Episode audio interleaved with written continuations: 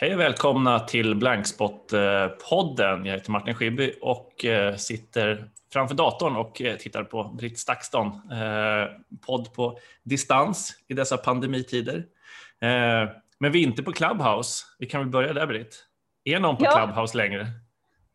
Nej, det är ju lätt att tycka att ingen är på Clubhouse längre, för det dog ju eh, ja. upp som en pannkaka eller vad det heter. Och ja. det, det tror ju jag i Sverige berodde på att plötsligt det var ju lätt att komma in på den plattformen i Sverige. Det, vi alla som var på den fick ju överöstes ju med inbjudningar och, och, jag vet inte, det är lite ledsamt att se att den där hemlighetsmagiken som man ju gärna jobbar med i Silicon Valley, och vi kommer alla ihåg under eh, hur lång tid som det var hett eftertraktat att få en invite till Spotify, att det där är så viktigt för att liksom få ett bass kring en plattform. För det känns som att när alla överröstes med inbjudningar så dog det i Sverige. Mm. Men jag vill ju verkligen puffa för att gå in på Clubhouse. Dels har det ju kommit en Android-version sedan två veckor tillbaka.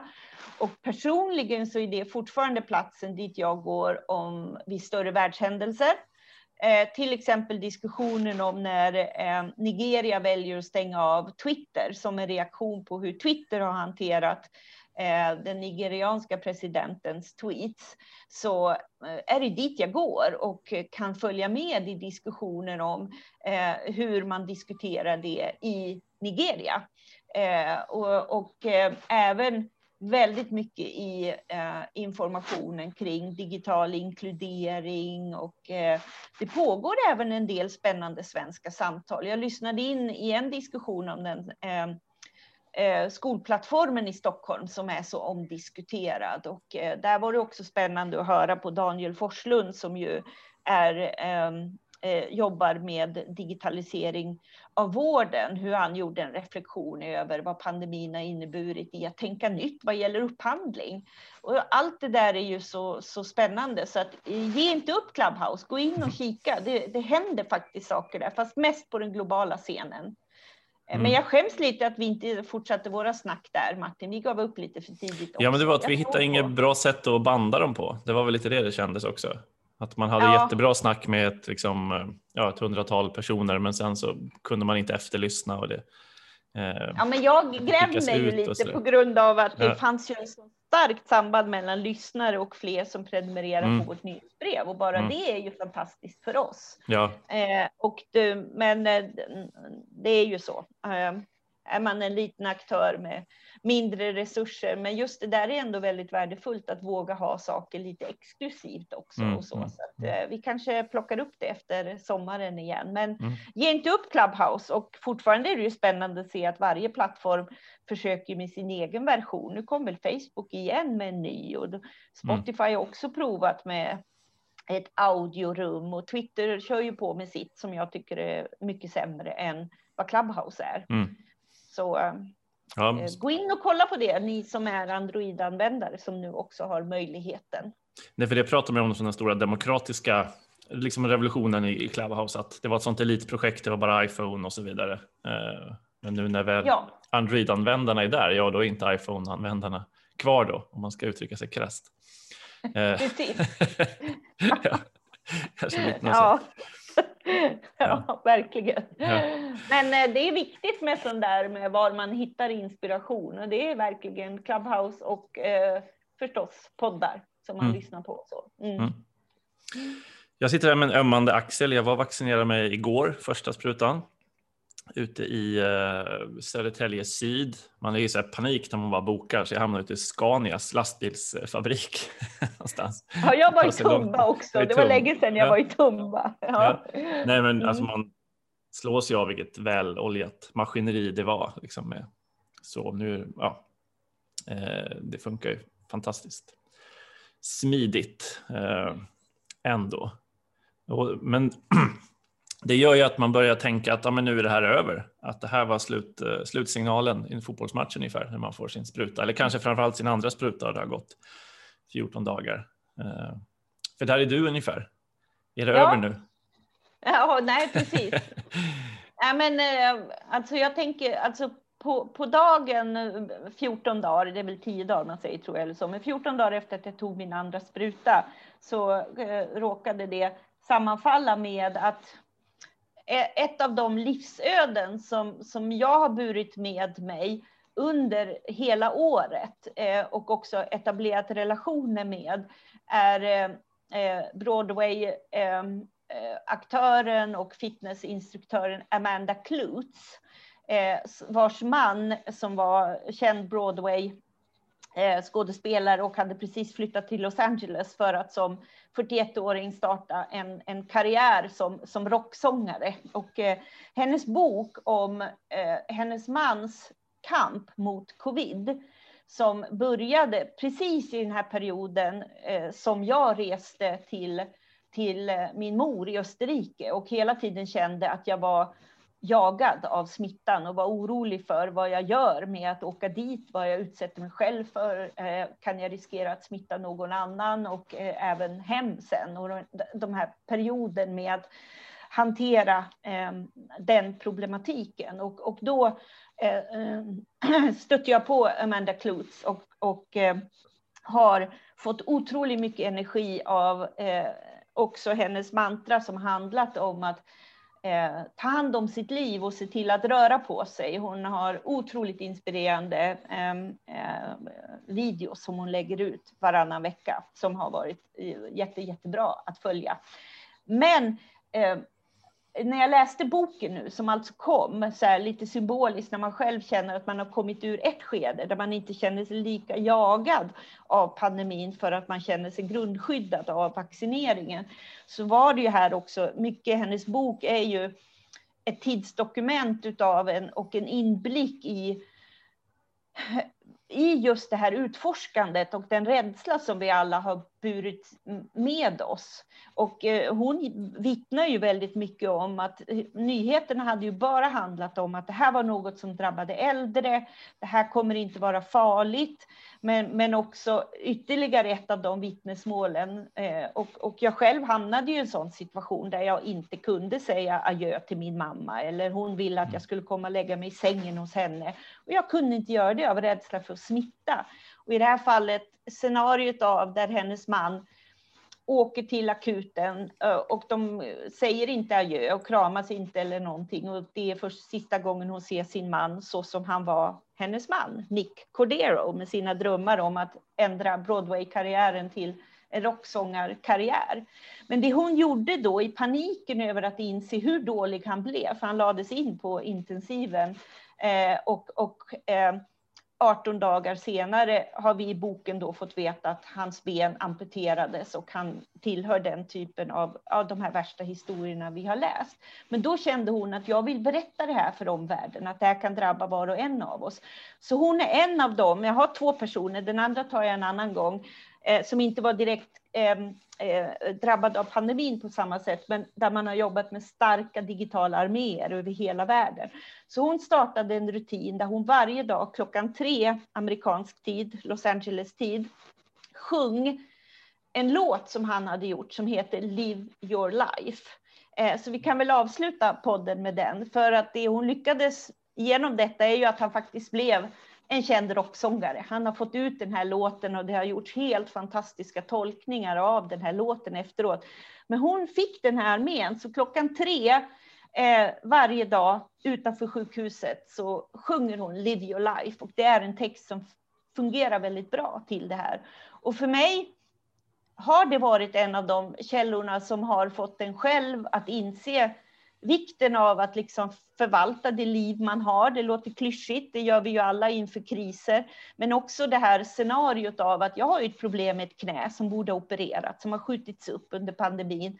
Men i relation till det scenario som, som de hade till exempel så får jag fan i mig gå och träna varje dag, vilket jag har gjort mm. till exempel. Um, och jag tror att inför det vi går in för nu Eh, så, så är jag lite så här, vi behöver eh, ha en otrolig respekt för den här typen av berättelser som alla bär på och vad vi har varit med om, hur livet har vänts upp och ner, men också hitta kraft i att de lärdomar från den här perioden där allt var outforskat och där det fanns rädsla för att få Eh, smitta av precis vad som helst och så vidare. Liksom. Men vad i det har, har, har gjort att vi gör saker på nya sätt? Och det här tror jag är någonting som som varje bransch kan må bra av att på riktigt ta sig den tiden och inte bara kasta sig in i en post-corona-tid och, och fundera över att det är det liksom the roaring twenties again på något sätt, utan allt har ju vänts upp och ner och att det finns en förändringsmöjlighet i det. Och där har ju vi och, och, och jag um, definitivt under, under hela året. Du var ju föräldraledig under en period där, men det här att kunna fundera över, ger det här nya möjligheter för demokratins utveckling eftersom pandemin har pressats på på det sättet? Eh, och, och, det är väl vad jag vill liksom. Jag tycker det ska bli spännande med en höst att se fler rörelser och eh, verksamheter att faktiskt på djupet fundera över insikter i mitt i det svåra som faktiskt kan förändra saker till det positiva. Och är stolt över att vi på Blankspot har en, en väldigt eh, unik sammanställning över liksom pandemin och demokratin. Och det har varit så skoj att få småtesta det lite. Och även om det har varit digitala föreläsningar så har ju det roligaste varit frågestunderna där det finns en stor nyfikenhet på det här, eller hur? Ja, men verkligen. Jag känner det när jag och så tog första sprutan och det blir som man sitter där och tänker och jag fick sitta 30 minuter och inte 15 för jag var allergisk mot bistick. så att de hade lite extra koll på mig. Ah! Jag hade kryssat ah. i den allergic-rutan, det gick något larm ja. där. Eh, vilket också var fint omtänksamt. Men då tänkte jag just så vad kommer man ut från pandemin med? Och det känns så fint att ha den som en liten diamant, alltså den utställningen digitala och fysiska som finns att just fundera över vad gjorde den här med oss. Men det man märker tycker jag är också att det folk fortfarande vill diskutera det är så här, men vad tycker ni om den svenska coronastrategin? det känns som så här, det är den, det är, liksom, det, det är det folk vill battla på något sätt. Eh, och inte, så här, frå, inte frågan vad, men vad, vad lär vi oss av det här då? Vad stod demokratin pall eller vad, eh, vad, vad funkar och inte? Men, och det, men det är väl dit man kommer kanske om ett tag, att uh, fortfarande är man inne i den, liksom lockdown eller inte lockdown, det sån, har varit en sån stor del av liksom, diskussionerna hemma, hemma hos folk och på jobb och uh, annat. Ja, under, men då, då kan man året. ju också i, i, I utställningen kan man ju få, eftersom vi till exempel, en fråga som mycket dyker upp väldigt naturligt eftersom vi är på kulturhus eller bibliotek ofta, mm. så är ju frågan om kulturen. Och då har vi ju utställningen just det här perspektivet av till exempel hur, hur man eh, säkerställde kulturens återgång i mm. Österrike mm. versus Sverige. Och, och, och, det är ju spännande bara att jämföra de två aspekterna så. Mm. Eh, och, och fundera över, ja men vad säger det om, om, den svenska kultursynen eller vad har vi lärt oss från det? Vad behöver vi bli mm. bättre på att synliggöra i vår sektor? Eller å andra sidan kan man ju se hur man faktiskt insåg vilken otrolig eh, infrastruktursdel i, i även i en kris eh, och i, i kultursammanhang biblioteken har till mm, exempel mm. och så. Så att det är ju just med den här utblicken till no, hur några andra har löst eller inte löst som mm. eh, um, utställningen ja, kan ge underlag till diskussion. Ja. Och just att det är en unik global erfarenhet som vi alla har ja. stått, ställt oss inför och någonstans tagit oss igenom och det är ändå tycker jag fint att se. Du har ju skrivit mycket om Covax programmet och det här att men vi är inte säkra förrän alla är vaccinerade och att det kan lätt mm. finnas en sån här visst vi pustar ut men alltså, ja, en, en majoritet av jordens befolkning måste ju få vaccinet för att vi ska verkligen få bukt med, med sjukdomen och med viruset. Eh, så att den, den diskussionen kommer ju också och den blir ju en sån tydlig liksom också rättvisediskussion. Ja, nej, men jag ser också jättemycket fram emot i höst att utställningen kommer ju turnera runt på bibliotek, gymnasieskolor, kulturhus en del digitalt, en del fysiskt och vill man boka den så kan man kolla in på sajten hur man gör det. Eh, eller mejla lin blankspot.se så kan man boka vår utställning som är ju i högsta grad levande också och som kommer att. Eh... Och har man utrymme så är det ju en fantastisk eh, affischutställning bestående av 22 eh, affischer som just eh, eh, fångar upp några av de här övergripande eh, områdena som påverkades. Eh, kulturen, övervakningsscenariot och utbildningssektorn och så. Mm. Men, men också ett, ett antal människor som mitt under en pandemi fortsatte att driva sin kamp eller blev eh, av tillfälligheter eh, indragna i, i, i en kamp. Eh, som till exempel Donella Frazier som förra veckan fick Pulitzerpriset som vi också mm. skrev om. juryn, juryn i Pulitzer gav henne en särskild utmärkelse. Och Donella Frazier var den 17-åring som med sin nioåriga kusin var på väg till ett snabbköp i Minneapolis och ser ett tumult, skickar in sin kusin i butiken och börjar filma. Och det hon då filmar sen från första plats och den mest kända videon är ju eh, när George Floyd kvävs till döds av den polisbrutalitet som han utsattes för. Mm. Och eh, nu ett år senare så eh, har ju vi valt eh, i det fallet istället för att göra en intervju med henne så väljer vi att publicera och översatt hennes Facebook-post ett år senare där hon reflekterar över den roll hon fick i det här sammanhanget och eh, liksom av en tillfällighet och det är lite fint att Pulitzerpriset betonar ju liksom den medborgarjournalistiska gärning som det innebar. Och mm. Det är också ett nyttigt perspektiv i relation till att det finns ju alla anledningar till att kritisera när människor bara passivt står vid sidan av eller till och med förhindrar när olyckor sker och står där hysteriskt och filmar allihop. Eh, men i det här fallet så, så blev det ju en, en sån brutal Eh, filmning som, som spreds över hela världen och ledde mm. till demonstrationer för polisbrutalitet över he, hela världen. Liksom.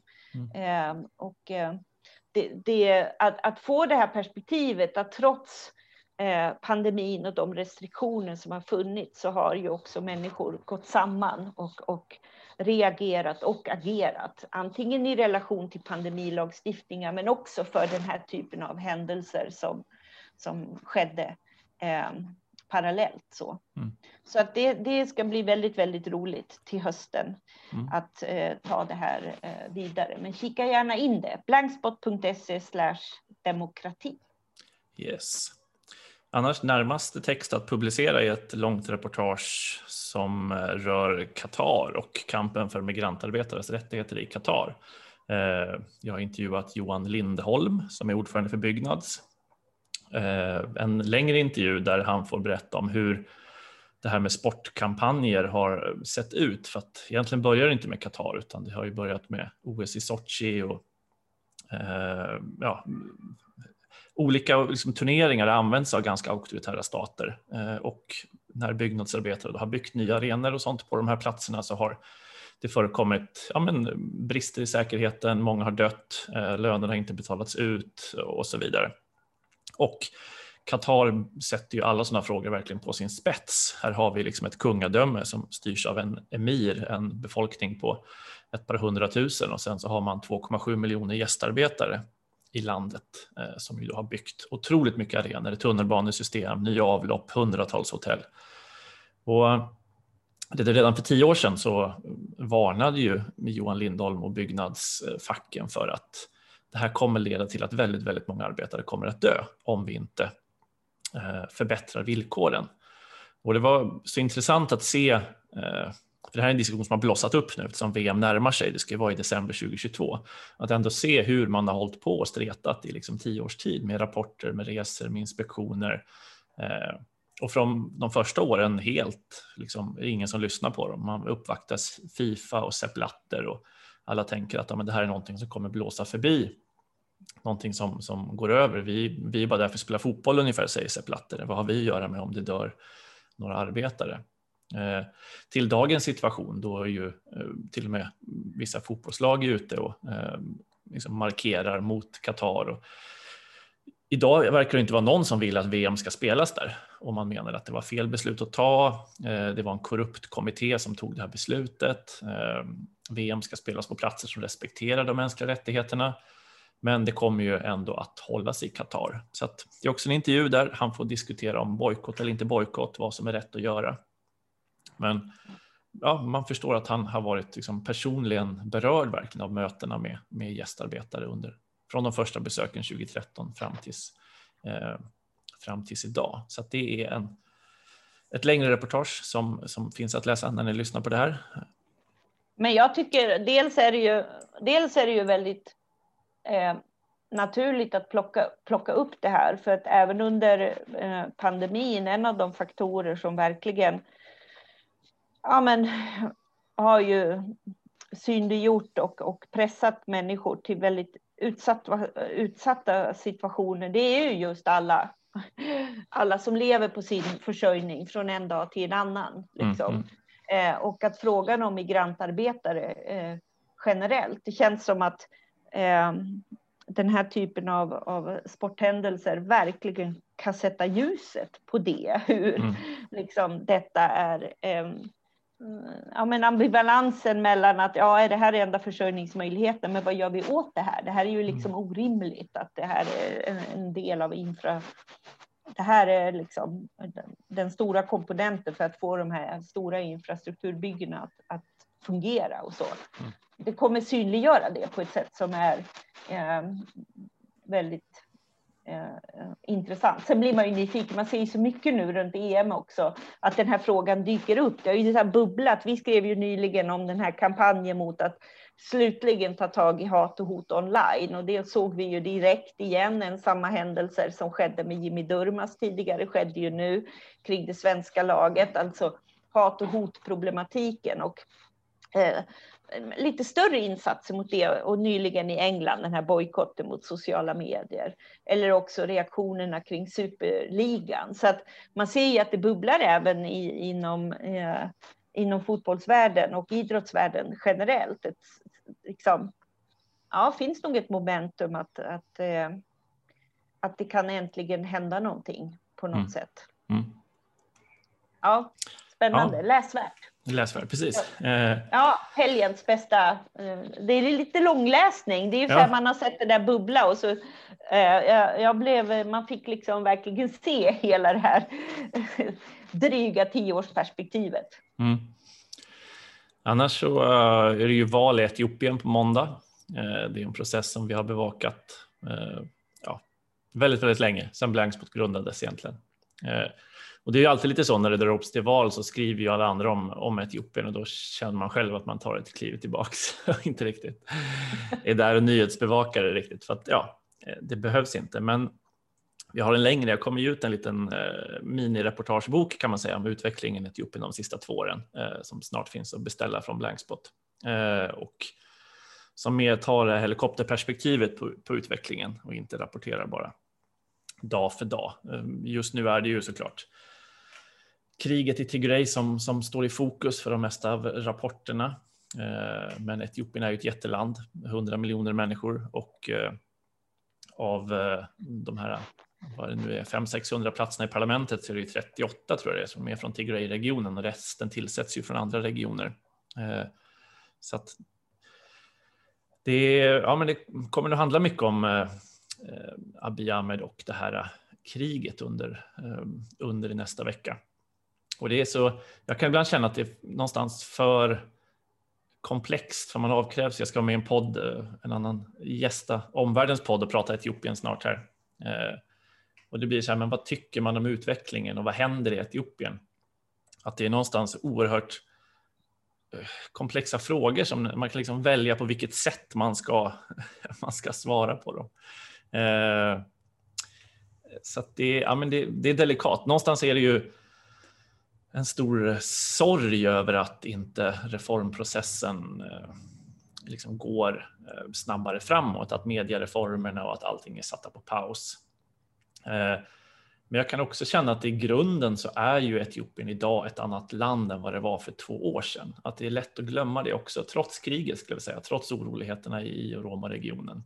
Det finns en annan vitalitet, det finns debatter, det finns diskussioner, det finns nya medier som vågar liksom ösa på.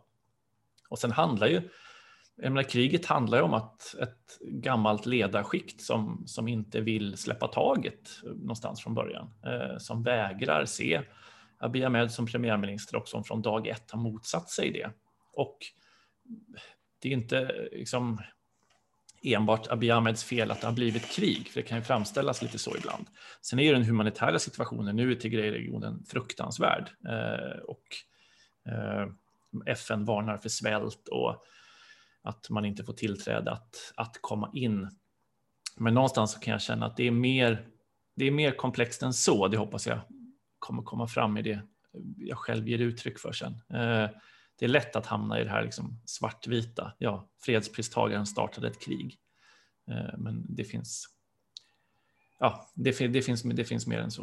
Eh, men det är kul att du får att vi. Du har fått ihop en reportagebok om ja. hela den här ja. eh, utvecklingen. Ju. Det har ju varit en central del i den här utställningen som vi sa. Vi såg ju mm, liksom mm. Etiopien, demokratiutvecklingen där som ett av casen mm. vid sidan av de här enskilda eh, exemplen på hur aktivism eller eh, engagemang kan se ut. Så var ju hela tiden Etiopien tänkt som ett ett huvudcase och från mm. början var ju tanken att du skulle ha varit på plats och så där. Mm. Så det, det, är, det är ju men jag fattar ju precis när känslan är över, när alla andra börjar skriva om det nu och så. Men det är kul att du har fått ihop den här mm, mm. boken. Mm. Yes. Eh, så det blir ju himla kul. Ja. Att få ut. Eh, sen har vi väl i själva utställningen finns det också en hel del röster från. Ja, men verkligen människor. intervjuer med ungdomar under ja. de här åren som, som ger uttryck just för den här optimismen. Ja. och vilken skillnad det ändå kan göra. Och det tänker jag också, även om man får ett parlament efter valet, såklart kommer Abiy Ahmed vinna, eh, men det kommer finnas några fler oppositionskandidater där och bara den faktorn tror jag innebär att det blir en mer dynamisk eh, diskussion och det kan innebära liksom ett steg, ett steg, ett steg framåt. Men det har varit mm. superspännande att under de här åren lyssna på unga människor i landet och mm. höra deras förhoppningar. Det finns mycket filmer och små intervjuer med, eh, med dem i utställningen också. Precis. Ja. Ja, vad har vi mer annars? Eh, om det finns något som eh, jag blir nästan sugen på att kolla. Det är så länge sedan vi har poddat. Man borde kolla på sajten om vi kan. ja, om vi kan det finns mycket att plocka till. upp. Det finns mycket ja. att plocka upp. Eh. eh. Jag vet ju att jag skrev ju någonting om, eh, apropå när man kommer till eh, slutpunkter i sammanhang så känner man ju att man till slut kommer ju till en slags, och det har vi ju skrivit mycket om, både genom åren men också i slutpunkten i relationen mellan Trumps avstängning från Facebook och mm, de mm. beslut mm. som har tagits av eh, Facebook Oversight Board och så. Så eh, är det ju mycket intressant som har framkommit i det och har man inte läst det så är det ju fortfarande en, en, en punkt över något som har präglat eh, samhällsutvecklingen så mycket, liksom den här högt uppskruvade tonen på nätet. Och i ett, mm. i ett svenskt scenario så ehm, eh, kom, kom det ju också till någon slags så här, slutpunkt när Cissi Wallin väljer att göra en avbön från något som hon har varit med och, och varit så styrande och drivande runt. Mm. Och det är ju inte den första, men det är ju intressant när man har för mig var det ju så att eh, för, för tio år sedan så bestämde jag mig ju väldigt aktivt för att sätta en punkt i att eh, vara så aktiv i relation till diskussioner på Twitter. Jag såg den här pardansen som ständigt dök upp på något sätt och så har jag ägnat mig mer åt att betrakta dem från sidan och ibland göra nedslag i att fånga upp det som händer här nu. Det finns ju ett antal sådana texter på Blankspot också om eh, Linnea Claesson till exempel eller influencerproblematiken, influenser i relation till politik och så. Mm. Men det här var ju ändå det var ju, det är ju alltid intressant när man liksom känner sig så ambivalent. Ska man, ska man inte skriva om det? Och sen blir det alltid en sån här slags Trump-effekt kring den typen av texter. Hur otroligt mycket de läses. Men eh, det får väl sätta en slags också punkt från att eh, vi behöver alla fundera och det har vi behövt göra de senaste tio åren, hur vi själva förhåller oss på nätet och framför allt eh, kommer det ju fortsatt handla om en ganska stark mediekritik i relation till hur man faktiskt väljer att fånga upp de här ständiga utspelen som går att hitta mm. eh, mellan att liksom skapa drev för att sätta fokus på sina frågor eller runda politiska processer och så. Mm. media har ju hela tiden spelat en väldigt, väldigt stor roll i det där sammanhanget också. Men det var mm. väl en sån text som har varit väldigt läst och delad den senaste tiden, eh, bland annat. Mm. Mm. Ja, verkligen. Ja, ni som lyssnar, in och läs nyhetsbrevet och så får jag önska er en trevlig helg. Ja. Nu, nu kommer de spränga här så att det kommer låta. Ja. och vi avslutar med eh, lästipset av Live your life och vi spelar även eh, eh, den låten med Nick Cordero som efter 95 dagars eh, kamp mot eh, covid-19 eh, dog 42 år gammal. Yes. Tack och hej. Tack hej.